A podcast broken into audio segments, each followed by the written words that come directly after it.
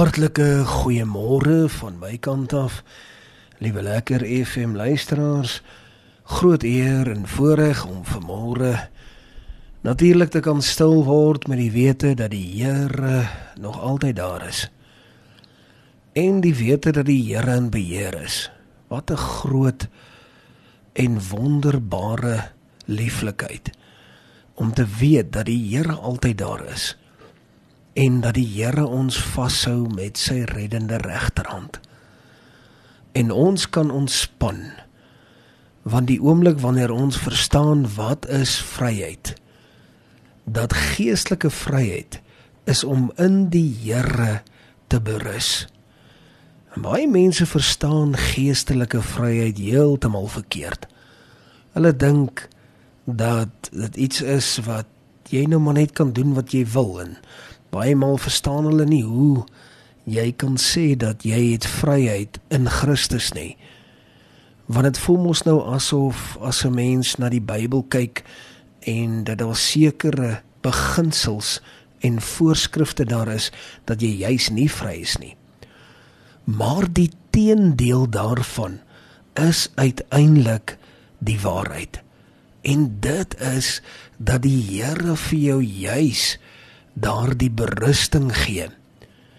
En die Here is daardie vangnet, daardie veilige hawe, daardie rusplek waarheen ek en jy en elke gelowige kan gaan om te sê Here, ek is afgemat. Ek is deur die storms van hierdie lewe links en regs geslinger. Ek het seer. Ek vertrou min mense, maar ek weet dat u vir my kan totaal in al weer herskep en dat u my hart weer kan heel maak en restoreer. Dit is altyd so wonderlike gedagte. En ek het vanmôre 'n woord wat ek graag in jou midde wil kom los. En ek wil jou vra om jou Bybel te gaan haal en ons gaan gereed maak om te lees daar uit die tweede boek van die kronieke. En ons gaan hoofstuk 3 lees in vers 1 tot en met 3 gaan ons saam lees en ek wil jou graag 'n geleentheid gee om jou Bybel in die hande te kry. En dan ook saam met my te blaai. Ek kan vir jou min of meer sê die bladsy nommer is 598 in my Bybel. En as jy wil kan jy gerus saam met my lees ek sal dit graag aanbeveel om sommer 'n potlood ook naderby te bring en ons gaan sommer daar skryf. Ek wil graag hê ons moet dit saam lees 2 Kronieke 3 vanaf vers 1 tot en met vers 3. En ons gaan dit saam lees, dan gaan ek saam bid en dan gaan ons net vertrou dat die Here in ons harte kom praat. Kom ons lees dit saam. En Salomo het die huis van die Here begine bou in Jerusalem op die berg Moria waar hy aan sy vader Dawid verskyn het op die plek wat Dawid reggemaak het op die dorsvloer van Ornan die Jebusiet. En hy het begin bou in die tweede maand op die tweede dag in die 4de jaar van sy regering. En dit is die grondplan dit is die grondplan van Salomo vir die bou van die huis van God, die lengte en die elle volgens die ou maat 60L en die breedte 20L. Tot sover die woord van die Here. Kom ons sit net so dan sluit ons die oë en bid ons saam. Hemelse Vader, dankie vir u woord. U woord is altyd getrou en kom raak ons harte aan. En selfs hier in die Ou Testament is dit vir my weer eens duidelik dat U kom aanraak op 'n manier wat ons dit nie eens verwag nie. U bring U woord en saam met U woord, Here, is dit duidelik dat U die teregwysing bring en dat U die lering bring en dat U ook die nodige stigting vanmôre bring seën ons lekker FM luisteraars wat ook daarna luister is my gebed in Jesus naam. Amen. En amen. En liewe lekker FM luisteraars, ek wil graag titel op hierdie oggendoordenkings plaas deur te sê beplan.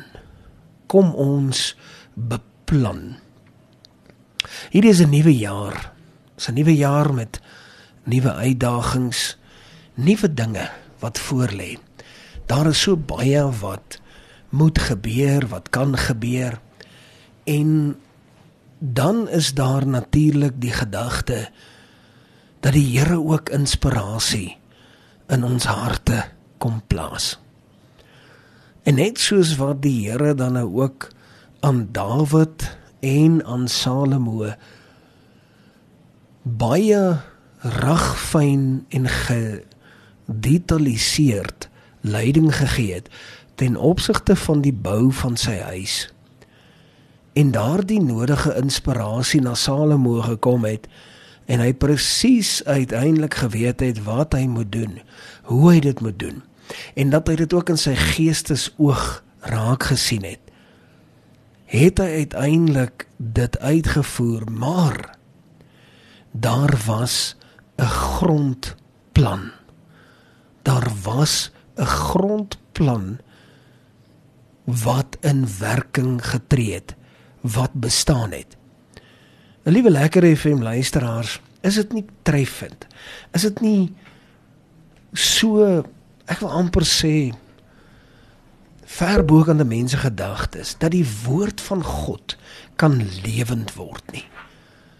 Is dit nie wonderbaarlik hoe die hoe die woord van die Here skielik kan lewe kry?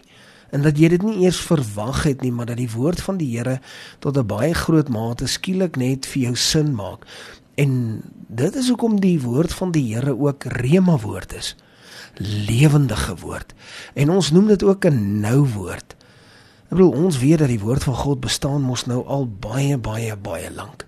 Maar as ek en jy hom lees, dan tref dit jou.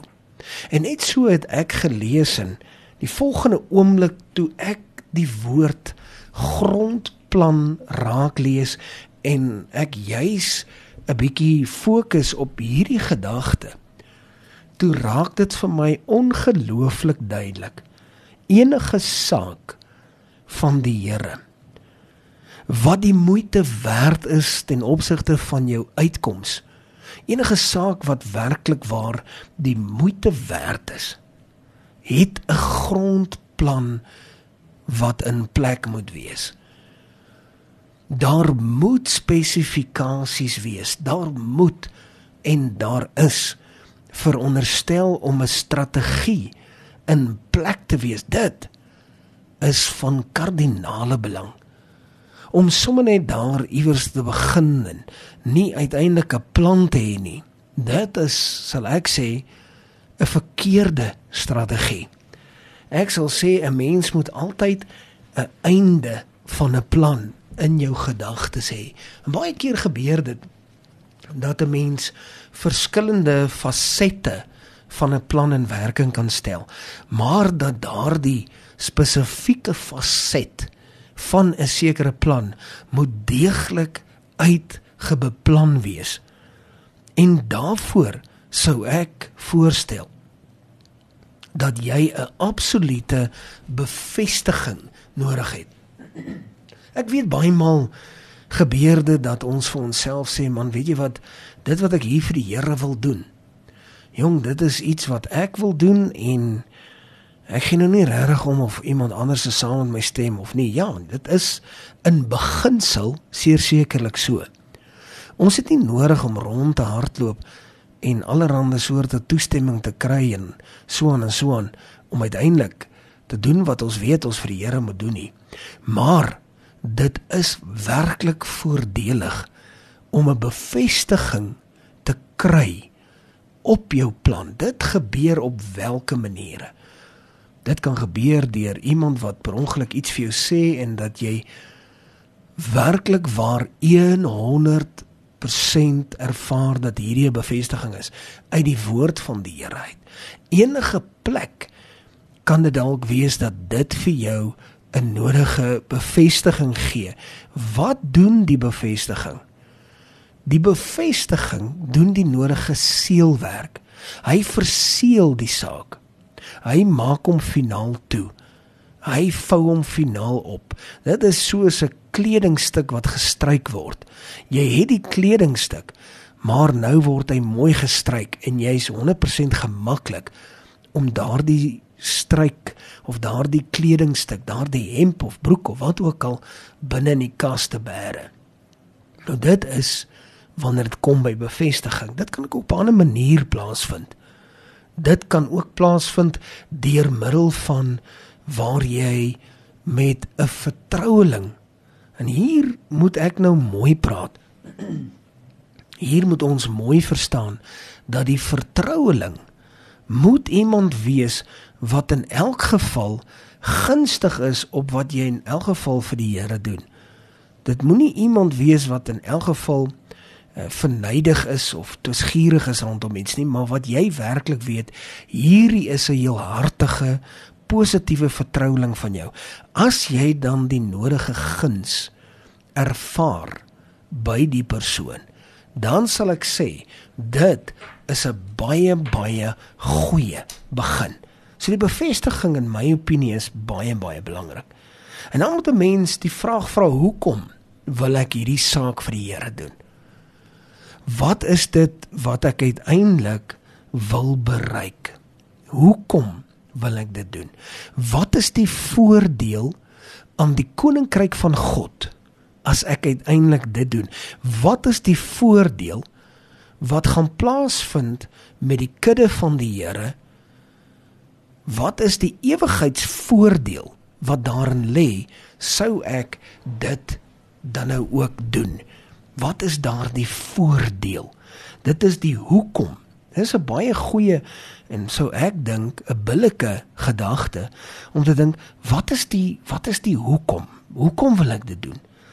En dan uit die aard van die saak, sekerlik een van die heel belangrikste is die intensie die intensie van jou hart. 'n Mens moet altyd baie mooi kyk na die intensie van jou hart. Wat is uiteindelik die intensie? Hoekom jy dit?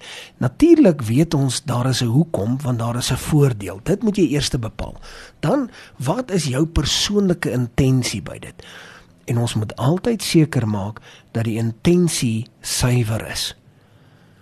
En baie maal as jy dan so hand in eie boesem indruk, dan sal jy agterkom dat jou intensie dalk nie 'n 100% suiwer was nie. Dan is my voorstel, moenie die hele plan by die venster uitgooi nie. Gaan net en gaan pas jou intensie aan. Maak seker dat jou intensie reg is. Dan glo ek die guns van die Here sal daarop wees en dan 'n baie groot gedagte is is dit Bybels. Is dit Bybels? Dit wat jy doen, is dit ten gunste en ten goedkeuring in die woord van die Here en volgens die wil van die Here. Ek wil graag vanmôre hier stop. En ek wil graag môreoggend verder gaan. En as jy saam met my môreoggend kom inskakel, dan is ek seker dat jy die uiteinde van dit wat ek hiervan praat werklik waar as 'n nodigheid in jou lewe sal kan bepaal. Tot sover die woord van die Here tot môre. Mos dit net so. Dan sluit ons die oë dan bid ons saam.